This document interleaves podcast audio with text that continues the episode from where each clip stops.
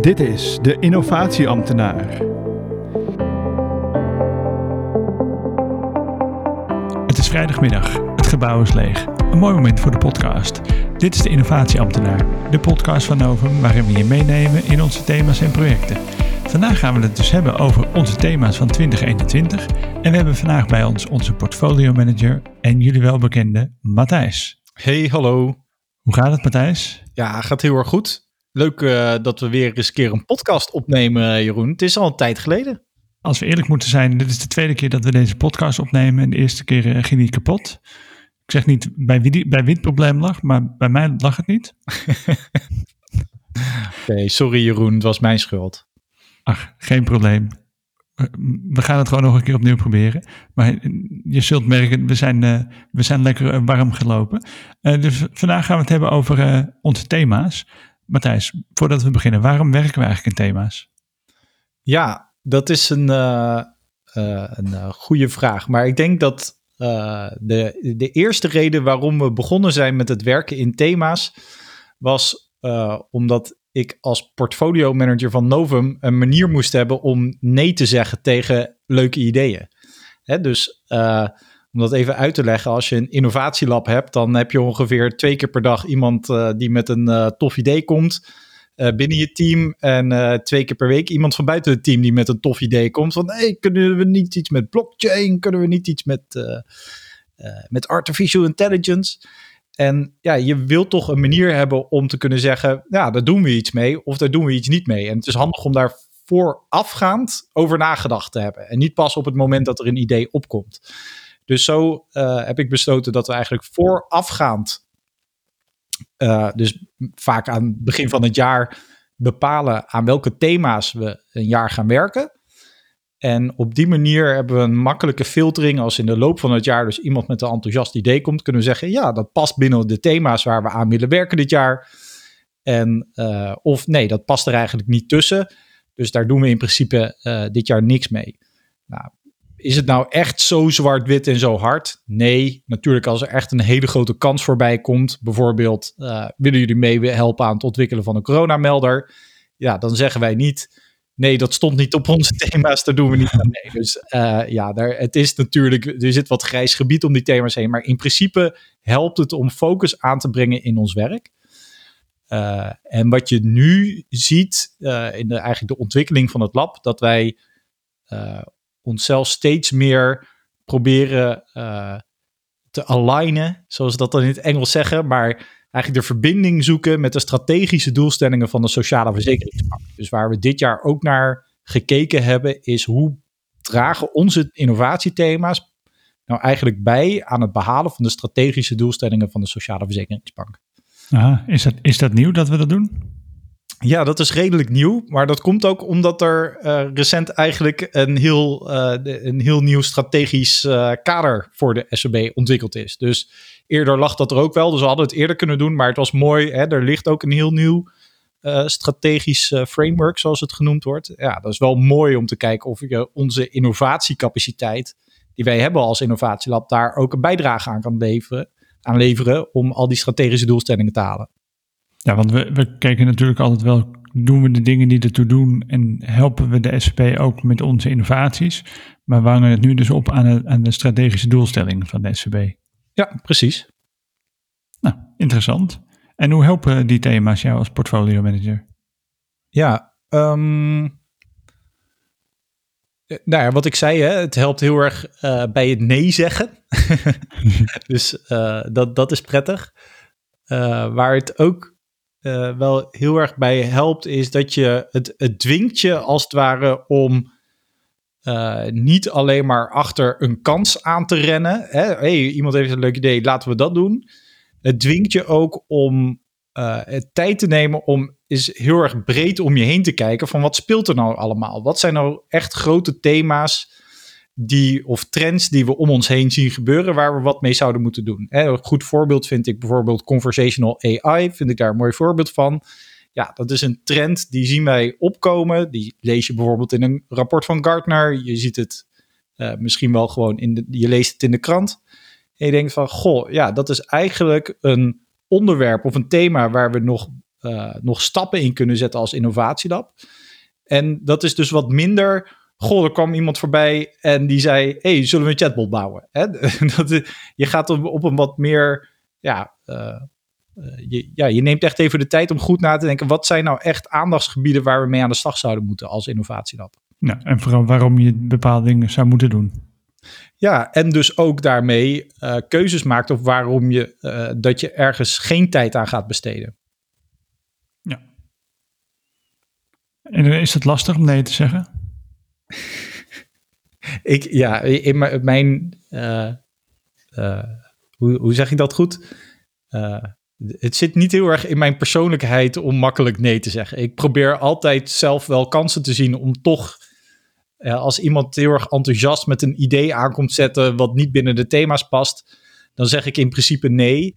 Maar dat, dan smijt ik niet de deur dicht en zegt ik wil je niet meer zien. Dan ben ik toch altijd wel bereid om toch nog even wat langer met iemand mee te denken. En te kijken van goh, uh, misschien als het aanpassen dat het er toch in past. Of dat ik het ergens anders kan, uh, kan wegzetten. Dus ja, ik vind het heel moeilijk om nee te zeggen, om heel eerlijk te zijn. Aan de andere kant, je, hè, je hebt de thema's die ons beperken. En we hebben ook gewoon een uh, beperkte capaciteit. Hè. We hebben niet een oneindig groot team. Dus het is ook soms heel uh, Ehm, daar kijk ik natuurlijk als portfolio manager ook wel naar. Ja, hartstikke leuk, tof idee, maar we hebben gewoon geen tijd meer voor. We, we zitten gewoon vol komend kwartaal. Hè. Dus dat is ook gewoon een reden om nee te zeggen. Dus ik zeg wel vrij regelmatig nee. Ik word er steeds beter in. maar op een of andere manier zit het nog niet heel erg in mijn persoonlijkheid. Nou, nou goed om te weten. Uh, ja, we hebben het nu over onze thema's. Praten we nu een paar minuten over. Maar welke thema's zijn zeg maar anders ten opzichte van vorig jaar? Of wil je ze nu eerst allemaal eventjes opnoemen? Ja, ik denk dat het goed is om uh, gewoon even heel kort, we zeggen, het, uh, het rijtje te noemen. Het zijn er zes dit jaar. dus dat is het thema voorkomen van armoede. Dat is thema nummer één. En we hebben een ander thema dat heet het verbeteren van continuïteit en wendbaarheid van de sociale verzekeringsbank. Goed om te weten voor de luisteraars. Zometeen gaan we ze allemaal in detail nog even doornemen. Het live event pensioneren. daar kijken we naar. Uh, dienstverlening in ketenperspectief. Daar kijken we dus niet alleen maar naar eigenlijk onze eigen dienstverlening, maar ook hoe doen we dat nou eigenlijk samen met andere overheidspartijen? Eigen regie is een uh, thema en toekomstige ontwikkelingen bestaanszekerheid. En natuurlijk, we hebben nog een zevende, dat is het thema Conversational User Interfaces. Dus het zijn er geen zes thema's, het zijn er zeven dit jaar. Um, Oké, okay, dus zeven verschillende thema's. Uh, ik merk zelf al een verschil in, uh, in, in, de opbouw van de thema's ten opzichte van vorig jaar. Ja, daar hebben we toen natuurlijk geen podcast over gemaakt. Dus dat heeft enige toelichting nodig. Vorig jaar werkten we ook inderdaad met thema's. En daar zat bijvoorbeeld uh, een thema in efficiënte dienstverlening met de gebruiker centraal. Dus dat was een thema wat zich heel erg focuste op hoe kunnen we nou eigenlijk door inzet van een innovatieve manier of een innovatieve werkmethodiek of een innovatieve technologie hoe kunnen we daar de dienstverlening van de SVB mee verbeteren? Denk bijvoorbeeld aan onze remigratie-app. Denk bijvoorbeeld aan de Waldo-app. Uh, dus de, de levensbewijs-app die we daar hebben ontwikkeld. Maar waar we eigenlijk achter kwamen was dat dit thema zo verweven zit in alle andere thema's die we doen, dat het een beetje een overbodig thema werd. Want we konden ondertussen ieder project dat we deden ongeveer wel onder dit thema scharen. Waardoor ook nee zeggen weer heel lastig werd. Want je kon het altijd wel onder het uh, thema efficiënte dienstverlening met de gebruiker centraal plaatsen. Dus die hebben we, uh, ja, die doen we niet meer. Nee. En, uh, ja, dus een andere aanpassing die we gedaan hebben is dat we nu um, eigenlijk vorig jaar hadden we een thema dat heette Voice. Hè? Dus dat ging, was heel erg gefocust op voice technologie. Dus daar hebben we het over die smart speakers van Google de uh, virtuele assistenten zoals Siri. En nou, dat deed jij allemaal veel beter dan ik welke er allemaal zijn, omdat jij de grote roerganger van dat thema was. Maar wat we eigenlijk zagen was dat dit thema veel breder was dan alleen maar die speaker-technologie eigenlijk. Hè? Dus, en zo zijn we uitgekomen op het thema Conversational User Interfaces, waarbij we dus een iets bredere blik kunnen hebben dan alleen maar voice-technologie. Dus dan kunnen we ook kijken naar ja, wat je zou noemen een chatbot of ja, ook wel echt andere zaken. Die, maar de, de onderliggende idee is dat je eigenlijk dus veel meer in, aan de hand van een conversatie met iemand dienstverlening doet eigenlijk. Ja. Oké. Nou, dan gaan we nu een beetje wat meer de diepte in uh, per thema. Ja, wat, voordat we dat doen, ik bedenk me net nog wel dat er ook nog wel één andere echt wel fundamentele aanpassing in de thema's gemaakt is, die, uh, die ook wel anders is dit jaar. En dat is dat we um, eigenlijk voorgaande jaren waren de thema's heel erg in twee groepen opgedeeld. Dus waarbij we zeiden, oké, we hebben exploratieve thema's. Dus daar kijken we heel erg naar een technologie en die exploreren we. En er hoeft eigenlijk niet echt per se een, uh, een product uit te komen wat meer waarde heeft voor de klanten van de SCB. Hè. Zo bijvoorbeeld blockchain technologie onderzocht. Uh, nou, Voice was, was daar een voorbeeld van. Uh, en we hadden thema's waar juist eigenlijk een uitdaging of een probleem heel erg centraal stond. Hè. Neem het voorbeeld het voorkomen van schulden ja, dat, dat is, uh, of het voorkomen van armoede. Daar, daar staat eigenlijk veel meer een probleem centraal en niet zozeer ja, het onderzoeken van een nieuwe technologie of trend. Ja. En, maar wat we, uh, en ja, ook in de aanpak hè, waren dat echt twee gescheiden type uh, thema's. Maar wat we heel erg zagen, bijvoorbeeld in het voice-thema, was ja, je begint met een exploratief het traject. Heel, wat kan die technologie eigenlijk? Hoe duur is die? Kan ik het zelf een beetje programmeren? Wat, wat kan ik er allemaal mee? Maar heel snel werd dat gewoon een project waarbij we daadwerkelijk gingen kijken van kan dit in de dienstverlening uh, van meerwaarde zijn of een probleem voor onze klanten oplossen. Dus dat onderscheid tussen hele exploratieve en exploitieve thema's, zoals we dat noemden, uh, dat maken we nu niet meer. We zeggen dus ja, een thema kan zich gewoon door-evolueren. Het kan heel erg exploratief beginnen, maar het kan uiteindelijk gewoon heel erg concreet en uh, toegepast uh, misschien wel eindigen. Ja, nou helder. Zullen we daar nu de diepte in gaan per thema? Ja. Of wil je het eerst nog hebben over wat de grootste uitdagingen zijn? Um, nee. Nou, we, nou, we gaan eerst de diepte in, hè? Laten we eerst de diepte ingaan. En wat uh, misschien ook nog wel uh, leuk is om aan het einde even te doen, is misschien nog even te kijken hoe die thema's eigenlijk tot stand zijn gekomen. Hoe, hoe, dat, uh, hoe, ja. hoe zijn we er nou bij die thema's gekomen? Nou, heb je nou thema's gehoord dat je denkt, nou, hartstikke leuk, ik heb het nu wel gehoord. heb je wel vragen? Nou, mail ons op podcast.nova.nu. als je de diepte niet in wil gaan, bedankt voor het luisteren en graag tot de volgende keer. Wil je wel de diepte ingaan? Gaan we nu mee van start. Yes. Nou, we beginnen met het thema voorkomen van armoede. Um, ja, wat je eigenlijk ziet is dat um, de, ja, de, de, eigenlijk in Nederland, zullen we zeggen, de, de armoede, zullen we zeggen, de, die blijft gewoon bestaan. Dat is niet een probleem wat zichzelf aan het oplossen is. En het is ook nog zo dat SZW, uh, uh, sorry, de SVB een speciale rol ook echt speelt in het uh, voorkomen van armoede, namelijk door het uitvoeren van uh, sociale wetgeving, zoals de AOW en de kinderbijslag. Dus het is echt een thema wat dicht bij de kerntaak van de Sociale Verzekeringsbank staat. Um, nou, een van de dingen die we zien uh, vanuit de overheid, en dat is ook echt wel heel erg duidelijk geworden tijdens de kinderopvang toeslagaffaire, dat is niet zo, hè, daar is het wel heel erg duidelijk geworden, is dat ook de overheid soms een veroorzaker kan zijn van armoede.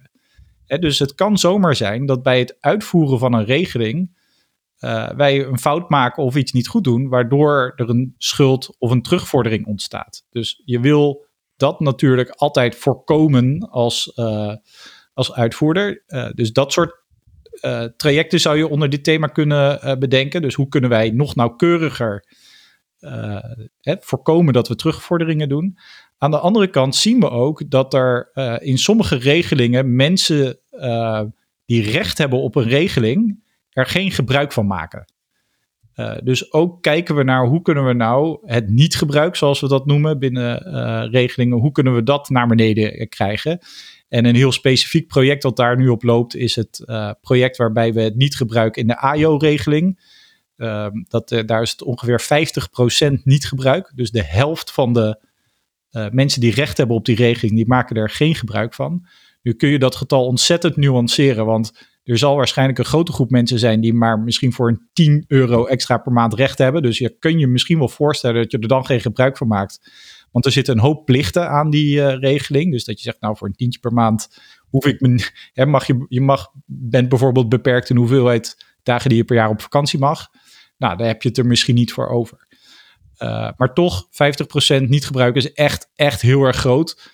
Uh, en we proberen met secure multiparty computation technologie uh, wat we uit gaan leggen in de volgende podcast, als het goed is. Ik wou net zeggen, dus wij heel veel moeilijke termen achter ja, elkaar. Dus, maar proberen we te kijken of we door slimme gegevensuitwisseling met het UWV die doelgroep op te sporen, zodat we ze kunnen opbellen en die regelingen in kunnen krijgen als ze daar recht op hebben en ze er ook gebruik van willen maken. Dus dat is het thema voorkomen van armoede.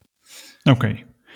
Dus het is niet alleen maar voorkomen van schulden, maar het is ook voorkomen van goh, hoe kunnen we nou zorgen dat we überhaupt eh, mensen meer inkomen kunnen geven waar ze sowieso recht op hebben. Ja, absoluut. En uh, wat we ook doen is samen met, uh, we hebben ook een samenwerking met SZW om te kijken hoe we um, nog beter aan vroegsignalering kunnen doen. Dus dat betekent dat op het moment dat wij signalen hebben als SVB dat iemand een schuld heeft, dan, of een schuld bij ons heeft, hè, dus omdat wij uh, een terugvordering uh, moeten plaatsen en die persoon komt in de problemen, dan kunnen wij die, dat signaal doorgeven aan de gemeente om iemand bijvoorbeeld in een schuldhulpverleningstraject uh, te plaatsen. Of, nou, zo, dat is wel heel extreem, maar in ieder geval dat daar hulp georganiseerd wordt voor iemand die in de schulden zit. Dus dat is ook wel naar, waar we ook aan werken in dit thema. Dankjewel. Dan gaan we door naar het volgende thema. Ja, het verbeteren van continu continuïteit en wendbaarheid van de SVB. En nou ja, hier zie je dus een thema waarbij het, uh, ja, je eigenlijk een beetje ziet dat Novum uh, misschien wel weer een beetje de SVB ingetrokken wordt. Hè, waar we bewust vier jaar geleden opgericht zijn als een uh, buitenboordmotor of een speedboot die buiten de SVB de, de, de, de olietanker uit koers moest trekken. Dat is gelukt. En nu zie je eigenlijk dat de SVB zoiets heeft. Nou, hey, wij willen eigenlijk zelf ook met innovatie aan de slag. En uh, daar werken we ook echt wel graag aan mee als uh, Novum natuurlijk. Um, en uh, dat betekent dat wij dus projecten gaan uitvoeren waarbij wij niet zozeer zelf de trekker zijn van de innovatie, maar waarbij we eigenlijk de teams binnen de SVB coachen om zelf tot een innovatie te komen. En uh, je ziet dat er veel interesse is, bijvoorbeeld om te kijken hoe machine learning ingezet kan worden binnen de SVB.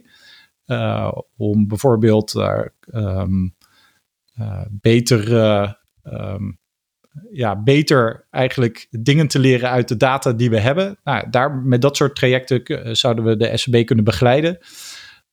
maar ik had laatst ook een overleg over um, klantprofielen om, ja, hè, we werken eigenlijk nog helemaal niet met klantprofielen. Dus voor iedereen, voor ons is iedere klant helemaal hetzelfde. En je zal best kunnen zeggen van, goh, deze klant heeft een ander, andere manier van dienstverlening nodig. Omdat die bijvoorbeeld uh, de Nederlandse taal niet vaardig is. Of omdat die uh, uh, bijvoorbeeld niet met de computer overweg kan gaan. Hè? Dus dat, dat zijn uh, trajecten die de SVB zelf eigenlijk wil opzetten. Dat doen wij niet als Novum, maar wij helpen uh, de SVB bij het uh, uitvoeren van die innovaties. Oké. Okay. Ja. ja het mooie daarbij, om daar misschien wel bij te vertellen, is dat we tegenwoordig ook echt daadwerkelijk een innovation board hebben bij de SVB. Dus dat is eigenlijk de directie van de SVB, die noemt zich drie keer per jaar de innovation board. En daarin worden ook dat soort projecten daadwerkelijk gemonitord en uh, ook wel bedacht en uh, bijgehouden. Dus het is niet het is best wel serieus opgezet, dit, uh, dit verhaal. Gaaf. Nou, dan, gaan we door naar het volgende thema. Yes. Het live event pensioneren. Nou, wat goed is om te weten is dat we eigenlijk altijd wel één thema hebben wat gebaseerd is op een live event. En uh, met een live event, uh, dat is dus iets wat een burger in zijn leven mee kan maken. Je kunt een levensgebeurtenis. Ja, een levensgebeurtenis. Uh, ja. En het, wat het interessante is aan het werken vanuit live events, is dat als je dus niet zegt wij zijn de SVB en wij keren de AOW uit, maar het omdraait en zegt nee, een mens gaat met pensioen en moet dan van alles en nog wat regelen. En je gaat vanuit dat perspectief je dienstverlening inrichten, dan kom je op hele andere ideeën en andere manieren van dienstverlening. En uh, dat willen we eigenlijk ook doen met het live event pensioneren. Um, wat daar interessant aan is om te vermelden, is dat we eigenlijk. Um, wat we eerst gaan doen op dit live event is onderzoek doen naar de toekomstige doelgroep die met pensioen gaat. Dus de komende tien jaar gaan er ieder, jaar steeds meer mensen met pensioen. Dus we hebben er door demografische ontwikkelingen hebben, er komt er echt nog een hele grote groep mensen aankomende tien jaar die met pensioen gaat. Alleen we weten nog relatief weinig over die doelgroep. Dus wat we als eerste gaan doen in dit uh, thema is onderzoek doen naar die toekomstige doelgroep mensen die nog met pensioen gaan en wat hun behoeften zijn. Hoe zien die klanten eruit?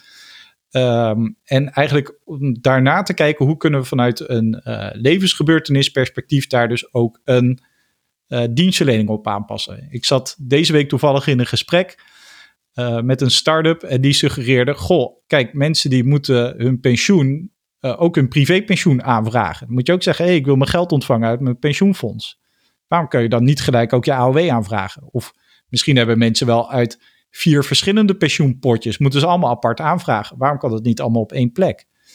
Ja. ja maar moet je, dat, moet, je, moet je je pensioen ook aanvragen? Want dat, dat, dat is toch apart? Daar heb je toch voor gespaard? Dan hebben ze toch alle gegevens al? Dat kunnen ze gewoon gaan opsturen? Ja, maar dan moet je kennelijk... Ja, dat wist ik ook niet. Maar wat ik begreep is dat je daar wel degelijk iets voor moet regelen. Dus uh, hetzelfde als voor je AOW. Dat wordt ook niet automatisch overgemaakt. Dat moet je even aanvragen. Dus, uh, ja, misschien, ik weet het niet. Misschien moet je even doorgeven op welke bankrekening je het gestort wil hebben of zo. Ik, ik weet niet wat, uh, wat precies uh, het ding is. Maar om aan te geven is dat als je met pensioen gaat, heb je veel meer te regelen dan alleen maar je AOW aanvragen. En kun je dat niet veel meer op één plek organiseren. Ja, ik denk ook meteen van nou, er gaan er een heleboel mensen die stoppen met werken, maar die hebben nog heel veel kennis. Ja, kunnen we ook niet kijken hoe, hoe, hoe we die kennis het beste kunnen inzetten? Um, ja, ja. Maar, maar, dat valt er niet onder. Nee, dat valt er niet onder. Want het, nou, nee, dat hebben we niet zo. Ja, ik vind het een leuk idee. Je, je kent me, ik zeg moeilijk nee, uh, Jeroen. Oh, ja. Laten we het er eens over hebben of dit een idee is wat eronder past. We hebben hier natuurlijk wel een keer naar gekeken. Hè? Van goh, wat. Uh, uh, om te kijken of je uh, mensen boven de pensioenleeftijd bijvoorbeeld zou kunnen koppelen aan start-ups, uh, volgens mij. Alleen het bleek dat er al iemand heel voortvarend bezig was met dat concept. Dus het hoefden wij niet. Oké, nou, dan ronden we dit punt weer af. Dan gaan we door naar het volgende thema. Ja. dienstverlening in ketenperspectief.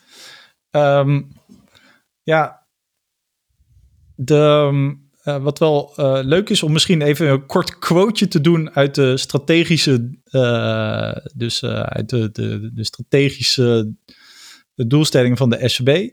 De SCB ontwikkelt toekomstgerichte innovaties om nieuwe oplossingen te verkennen, valideren en realiseren die proactief bijdragen aan persoonlijke dienstverlening in ketenperspectief. En wat we daar nou eigenlijk mee bedoelen als SCB is dat we weten dat uh, bijvoorbeeld voor het aanvragen van een uh, bijvoorbeeld een uh, kleine regeling zoals de schildersziekteregeling, daar gaat een hele keten aan vooraf. Dus jij, of ook binnen de PGB, om dat aan te vragen, ben jij um, niet alleen maar bij de SVB, maar je moet eerst bij een um, gemeente iets doen, bij je huisarts misschien wel. En uh, dus wij werken vaak in ketens, zoals we dat ambtelijk noemen. En nu is het vaak zo dat die burger moet eigenlijk als een postbode langs al die postbusjes in die keten. En uh, waar we eigenlijk naartoe willen is dat wij uh, die dienstverlening veel meer verbeteren vanuit dat ketenperspectief. En dus niet zeggen, nou, wij gaan zitten wachten totdat die burger bij ons aanklopt, maar echt de hele keten proberen te verbeteren. En daarvoor moeten we gaan samenwerken met onze ketenpartners. Daar hebben we misschien ook wel nieuwe technologische oplossingen uh, voor nodig. Bijvoorbeeld uh, veel meer werken met een uh, microservices noemen we dat, maar we kunnen het beter misschien API's noemen. Um, en ook hebben we nog hè, dus op de technologiekant zullen we wat moeten veranderen. Maar aan de andere kant, we weten eigenlijk ook nog helemaal niet zo goed hoe dat soort nieuwe dienstverleningsconcepten er in de praktijk, in de praktijk uit moeten komen te zien. Dat weten we nog helemaal niet zo goed. Dus uh, wij zullen daar ook als innovatielab als het ware een beeld van moeten creëren van hey, hoe ziet dat er nou uit? Nou, volgens mij ben jij bijvoorbeeld bezig met een uh, traject om te onderzoeken van goh, is het nou mogelijk om bij het, uh, nou, ook een mooi voorbeeld van een ketensamenwerking, als er een kind geboren wordt in Nederland en het is niet je eerste kind, dan geef je dat wel aan bij de gemeente. Dan wordt dat kind ingeschreven in de basisregistratie personen dan krijgen wij dat te zien. Uh, dat, dat lezen wij weer uit als SVB. En dan zien we, hé, hey, er is nog een kind bij dit gezin gekomen. En dan gaan we automatisch gaan we, um, uh, dus uh, een tweede kinderbijslag overmaken naar dat gezin. dus daar zie je een ketensamenwerking dat wij afhankelijk zijn eigenlijk van de gemeentes om dus de geboorteaangiftes te doen. Maar bij een eerste kind uh, dan wordt het niet automatisch uh, uh, gegeven, de kinderbijslag. Dan moet je het eerst nog even bij ons aanvragen. Nou, waarom kan die aanvraag van die kinderbijslag niet gewoon gelijk bij de geboorteaangifte? Nou, dat, dat is hè, hoe dus dienstverlening en ketenperspectief eruit zou kunnen zien. ja, nu weet ik dat jij daar iets meer van weet dan ik, waarom dat heel erg ingewikkeld en moeilijk is. Maar misschien is dat ook voer voor de volgende podcast. Ja. Gaan we, nu, gaan we nu niet verder op in? We gaan door naar het volgende thema. Ja, dat is goed. Uh, het volgende thema dat is Conversational User Interfaces. Ja, we, hebben het er natuurlijk al kort in de inleiding al een beetje over gehad. Hè, we zien uh, eigenlijk die trend heel erg opkomen. Dus je ziet dat uh, de oude chatbot van vroeger, die we echt al in de nou ja, begin 2000, eind jaren 90 uh, zelfs al, of in de jaren 90 al geprogrammeerd werden dat die door artificial intelligence een stuk beter is geworden. dus vroeger moest je zelf als programmeur iedere mogelijke vraag-antwoord combinatie eigenlijk in die chatbot inprogrammeren. En je ziet nu dat door middel van artificial intelligence een uh, conversatie tussen eigenlijk een computersysteem en een mens een stuk beter geworden is. Nou, en uh, dat biedt allerlei verschillende mogelijkheden. Dus commerciële bedrijven die zetten dat uh, uh, al in. Hè. Dus bol.com, daar kun je echt vragen stellen op de website. En dat is eerst een robot die antwoord geeft. En als die er niet uitkomt, dan een mens. Dus um, dat is um, eigenlijk het soort waar dat thema vandaan komt. Dus het is een trend. Maar het past ook heel erg in de strategische doelstelling van de SEB om dus persoonlijke en proactieve dienstverlening te doen. Dus we zouden met een, uh, dus een conversational interface veel persoonlijker iemand in een digitaal kanaal te woord kunnen staan. Omdat die, uh, nu is het zo, ja, kijk, kijk op onze website. En daar moet je dan gaan lezen, wat moet je zelf gaan interpreteren wat voor jouw situatie van toepassing is. In een conversational AI kan je bijvoorbeeld, als je iemand kan identificeren, uh, zeggen: hey, u bent mevrouw Jansen, dan is dit en dit voor u van toepassing. Dus je kunt echt vragen stellen die je normaal gesproken, bijvoorbeeld in een telefoniekanaal zou stellen, zou je misschien wel op je website kunnen beantwoorden, omdat het veel meer op de persoon georiënteerd is. Uh, en we weten ook uit het voice-traject, ja, nu we denken heel vaak aan chatbots. Maar ik zit veel meer te denken aan een conversational interface waar je echt daadwerkelijk mee kan praten. Omdat we weten dat dat heel goed aansluit bij uh, een van onze grootste doelgroepen, de AOW-gerechtigden. Dat die zo'n interface waar je tegenaan kan praten heel erg uh, prettig vinden. Ja, dus dan kan je tegen typen en tegen praten. Dus eigenlijk de website, een extra boxje in plaats van zoeken. Dat je zegt van nou, ik ga er tegen praten en uh, ik krijg gewoon het antwoord. Ik hoef niet zelf te zoeken. Ja. En ik krijg het antwoord wat op mij gericht is. Ja, dus er, er zitten eigenlijk drie grote onderzoeksvragen in, het, uh, in dit thema. Eén is hoe goed is die technologie eigenlijk? Hè? Dus we zijn ook wel aan het kijken van ja, er wordt inderdaad gezegd van het is nu veel beter door middel van artificial intelligence. Maar is dat ook echt zo? Hè? Of moet je nog steeds er zelf heel veel werk in stoppen om uiteindelijk een conversational uh, AI of een conversational user interface te maken die echt goede antwoorden geeft en niet allemaal domme antwoorden dat je alsnog gaat bellen. Dus dat is uh, één kant. De andere kant is, willen burgers dit wel? Hè? Dus als ze die technologie op orde hebben, uh, hoe moeten we hem dan vormgeven dat de uh, burger hem ook echt wil gebruiken? En misschien zitten er ook wel wat meer ethische en maatschappelijke vraagstukken aan. Bijvoorbeeld als een conversational AI jou een antwoord of een advies geeft, welke rechten mag ik daar dan aan ontlenen? Dus mag ik, ja, maar uw chatbot zei dat dit en dit goed was. Ja, ja, kun je daar dan rechten aan ontlenen? Dat zijn wel in, nog vraagstukken die we moeten opzoeken, uh, onderzoeken. Um, ja, dus uh, wat ik zei, hè, dus uh, de technologie, de, de, het gebruiksgemak en ook eigenlijk de maatschappelijke en juridische context waarin je zo'n AI zou kunnen gebruiken. Onder andere bijvoorbeeld het identificeren van mensen in een voice kanaal is ook zo'n vraagstuk. Hè? Van ja, uh, mag dat eigenlijk juridisch wel? Kan ik uh, iemand door middel van stemidentificatie identificeren? Ja, en belangrijker nog, willen mensen dit wel? Ja, ja dat absoluut. Hè. Dat is, bij Novum is dat uh, vaak twee vragen. kan het technisch en willen mensen dit gebruiken? Dus dat zijn de vragen die we onszelf eigenlijk bijna ieder thema stellen. Maar in dit thema is dat wel heel specifiek. Hè? Dus kijken wat kan de technologie? En vraag twee, vaak daarachteraan of soms beginnen we met de vraag: willen we gebruikers dit? En daarna bedenken welke technologie hoort erbij. Maar uh, hier doen we het eigenlijk een beetje parallel. Hè? Dus kijken naar de technologie en kijken naar de, de bruikbaarheid ervan. Cool. Ja. Dan gaan we door naar het volgende thema. Ja, eigen regie.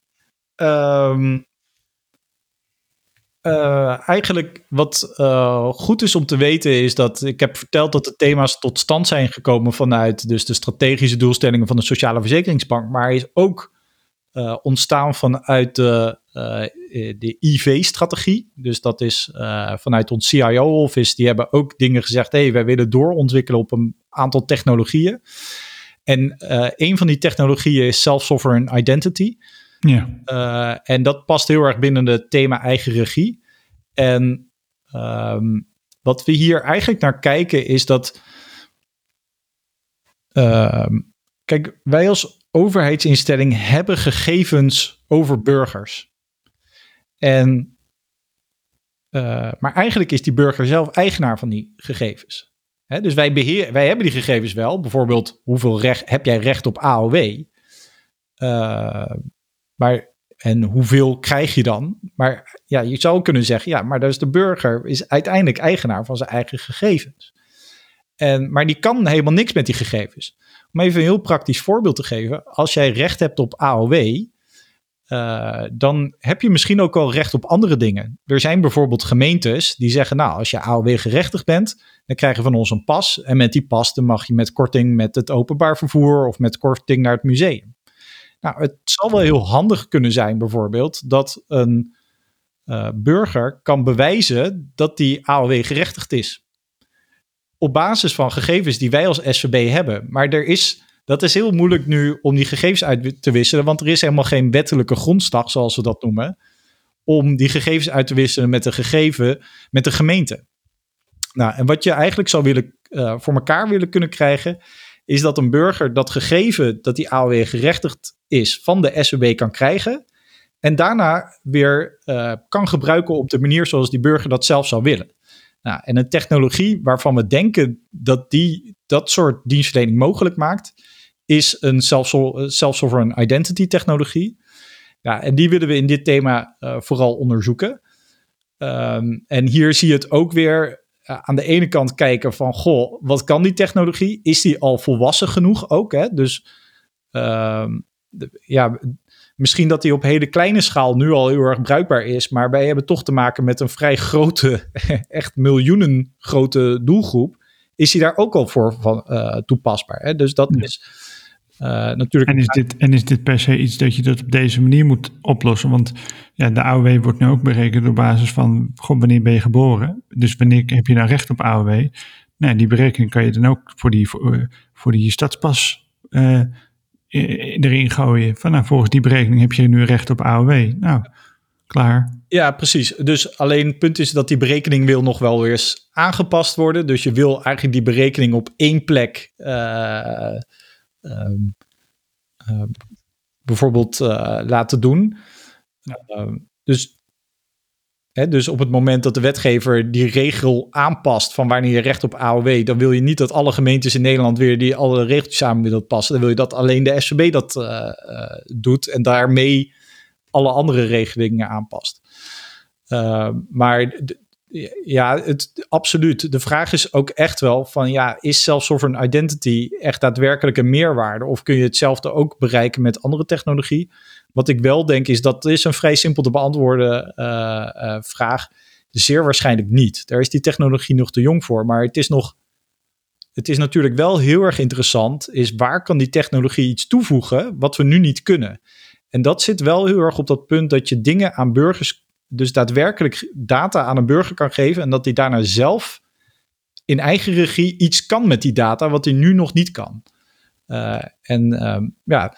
en het prettige er ook aan is, is dat wij dan ook niet hoeven te zien wat die burger met die data doet. Uh, ik geef altijd wel, het, ja, dat is dan niet voor de SEB een relevant voorbeeld, maar bijvoorbeeld, je zou best wel kunnen zeggen dat het bewijzen dat je ouder bent dan 18, ja, dat zal je via een centrale server bij de, de overheid kunnen regelen. Dus bijvoorbeeld als ik dan op uh, een, een online sli slijter sterke drank bestel, ja, dan kan ik me even identificeren. En dan checken zij bij een centrale server bij de overheid of ik dan inderdaad ouder ben dan 18. Het nare van dat concept is dat de overheid dan kan zien dat ik bij een online slijter drie keer per week een fles sterke drank koop. En misschien wil ik wel helemaal niet dat de overheid weet dat ik naar de slijter ga drie keer per week. En met de self-sovereign identity voorkom je dat. Hè? Dan kan dus de uitgever van dat feit dat ik ouder ben dan 18 niet zien hoe ik het gebruik. Dus het geeft ook veel meer uh, privacybescherming in die zin. Het is een beetje zoals nu met je rijbewijs. Degene die, de overheid weet ook niet hoe vaak je je rijbewijs laat zien. Nee, precies daar lijkt het inderdaad een beetje op. Die heb ik in mijn portemonnee zitten en kan ik eruit halen om aan andere mensen te laten zien dat ik ouder ben dan 18 of uh, bevoegd ben om een, uh, om een uh, auto te besturen. Ja. Ja, ja, en dat is natuurlijk ook wel weer een mooi thema waarvan de technologie misschien niet rijp hoeft te zijn, maar dat je wel kunt kijken, goh, wat vinden mensen hier nou van? En hoe zouden we mensen op, op een optimale manier kunnen ondersteunen hiermee? Ja, ja, en een ander ding wat binnen dit thema valt is machtigen. Dus uh, daar denk ik dat ik uh, ook een hele podcast aan kan wijden waarom dat zo'n ontzettend interessant onderwerp is. Uh, maar op een gegeven ogenblik, hè, we hebben het over eigen regie. Maar er komt ook bij sommige mensen door een live event, zoals bijvoorbeeld heel erg oud worden of door een ongeluk, dat je helemaal niet meer zelf de eigen regie kan voeren over je leven. Dus dat iemand anders dat voor jou moet doen. En dan wil je dat je iemand kan machtigen om namens jou zaken te regelen met de overheid.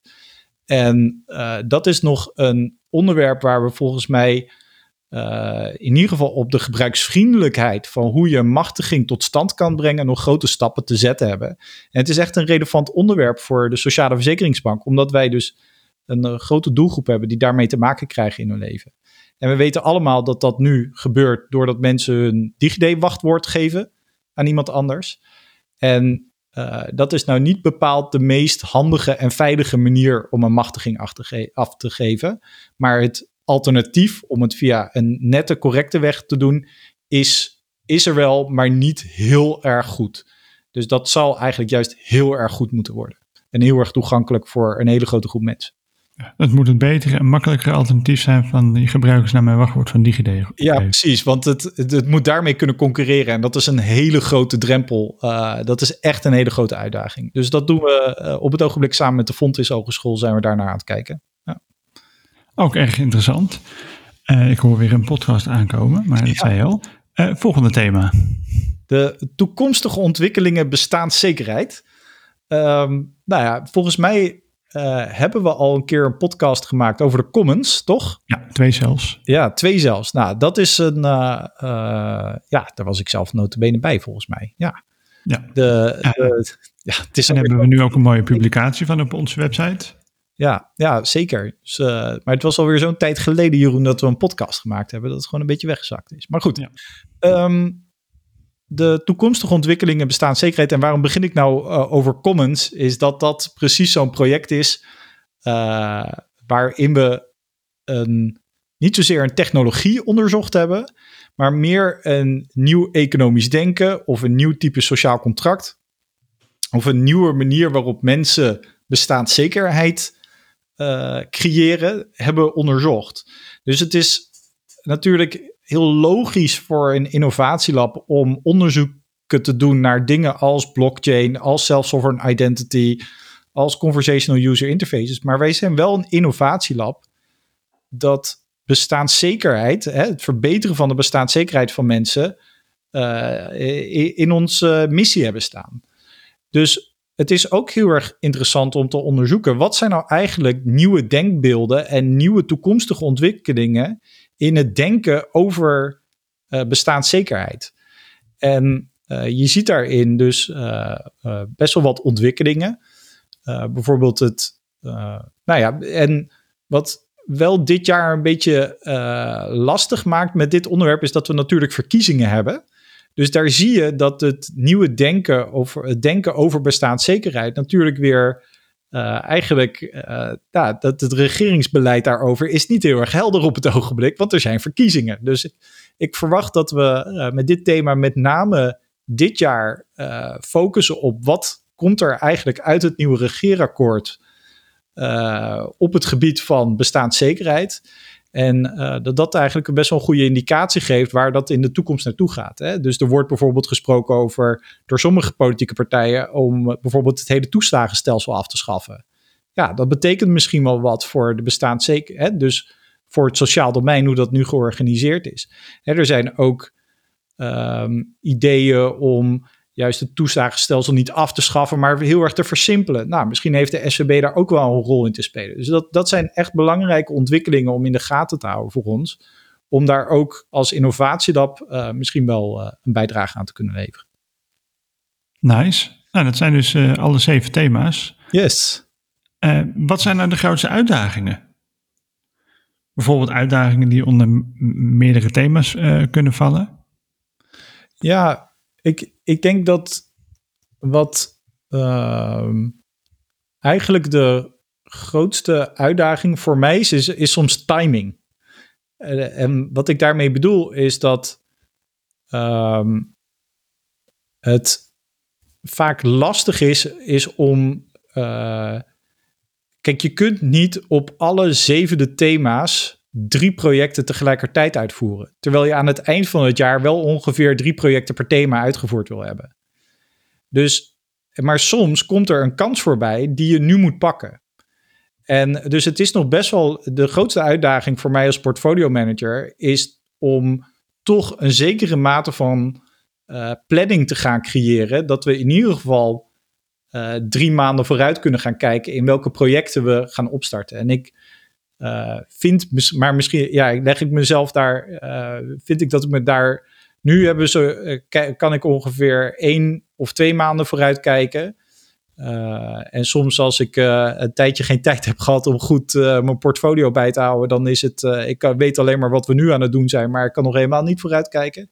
En ik vind, mijn uitdaging voor dit jaar is om toch ondanks dat het gaat om innovatie, wat moeilijk te plannen is, ook hè, doorlooptijden van projecten zijn heel moeilijk om te voorspellen, toch daar een hogere mate van voorspelbaarheid te gaan krijgen. Van ja, wat gaan we nou doen binnen die thema's en hoeveel tijd gaan we daaraan besteden en wanneer is iets af en wanneer starten we iets op. Dus dat, dat is denk ik voor mij een van de grootste uitdagingen. Ja, en dan kom je natuurlijk ook de uitdaging tegen van, nou ja, dit is een hele mooie uitdaging, maar het valt niet binnen de thema's. En dus dan kijk je er ook naar van, nou, als we tijd hebben, of we de, de, tijd voor moeten maken, dat we dan kijken hoe kunnen we daarin gaan schuiven. Ja, ja dus dat, dat is, maar dat is tot nu toe eigenlijk nog niet gebeurd.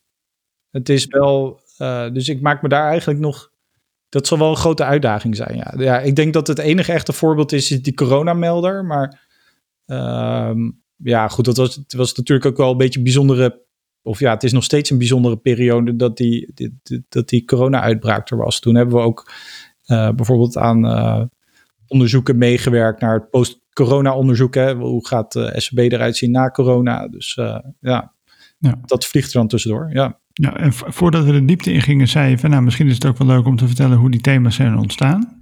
Ja, ja ik heb er natuurlijk zijdelings al wat over verteld, maar ik, uh, ik denk dat het wel goed is om uh, uh, andere mensen die bezig zijn met innovatie of in een innovatielab werken, is dat het. Ik zal echt adviseren zo zeggen, om op basis van thema's te werken. Hè? Dus baken je portfolio, je innovatieportfolio, zoveel mogelijk af. En wij werken nu met zeven thema's, maar misschien zou je nog wel met minder thema's moeten werken om echt, echt heel veel focus aan te brengen in wat je doet.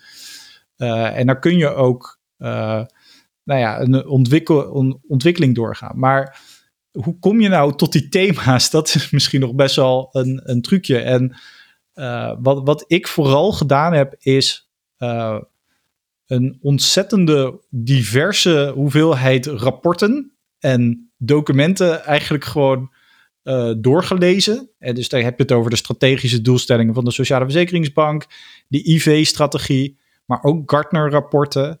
Ik heb uh, dus je hebt uh, Gartner Hype Cycle reports voor de overheid. Uh, waar ik ook naar gekeken heb, zijn trendreports uit andere sectoren. Bijvoorbeeld de marketingwereld heeft hele goede trendreports over ja, wat zijn nu nieuwe trends in marketing.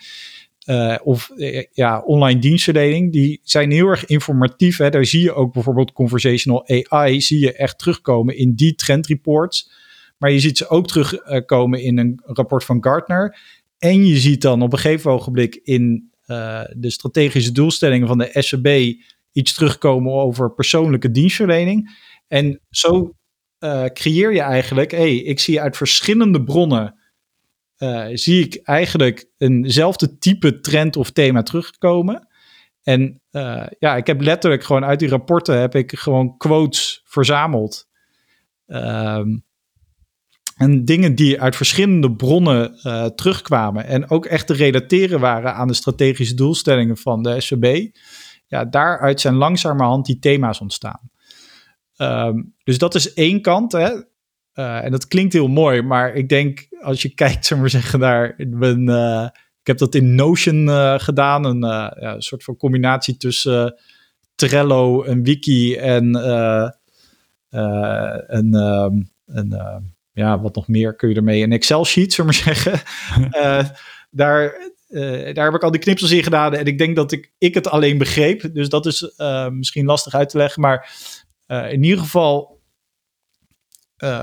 ja, veel verschillende bronnen clusteren en daar die thema's uit ontwikkelen. Wat ook mee, hè, dus, maar dat klinkt heel erg academisch bijna, hè, bureauonderzoek. Kijk, wat ik ook gedaan heb, is gewoon met mijn collega's gepraat van, goh, wat zijn nou eigenlijk onderwerpen of projecten waar jij de komende tijd graag aan zou willen werken. Want je kunt het heel erg, uh, zeggen, theoretisch komen tot je thema's. Maar je moet wel de mensen in je team hebben zitten die ook zin hebben om met zo'n thema aan de slag te gaan. Dus ik weet, ja, dat klinkt misschien uh, juist heel soft en heel zweverig, maar ik ben er echt van overtuigd dat als mensen niet met energie en met een soort van passie aan een thema willen of kunnen werken, dat dan het ook niks gaat worden.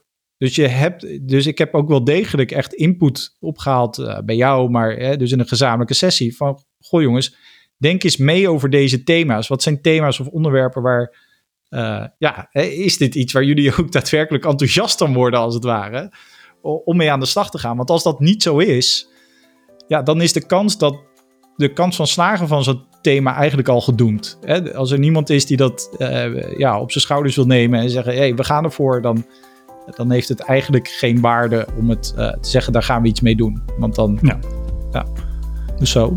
Interessant. Nou, heb je nou zitten luisteren en dat je denkt: Goh, dat is een leuk thema, daar, daar weet ik nog wat voor, of daar wil ik uh, op samenwerken? mail ons op podcast.nova.nu. Dan zijn we toch wel weer aan het einde gekomen van deze podcast. Uh, over twee weken zijn we er opnieuw. Uh, Matthijs, heel erg bedankt voor de uitleg van de thema's. Graag gedaan. Uh, abonneer je op je favoriete kanaal. laat een review achter via Apple Podcast. kijk op onze website nova.nu slash podcast voor meer informatie over onze podcast. En dan zijn we er over twee weken weer opnieuw. Ja. Fijn weekend alvast. Oké okay dan. Doei doei.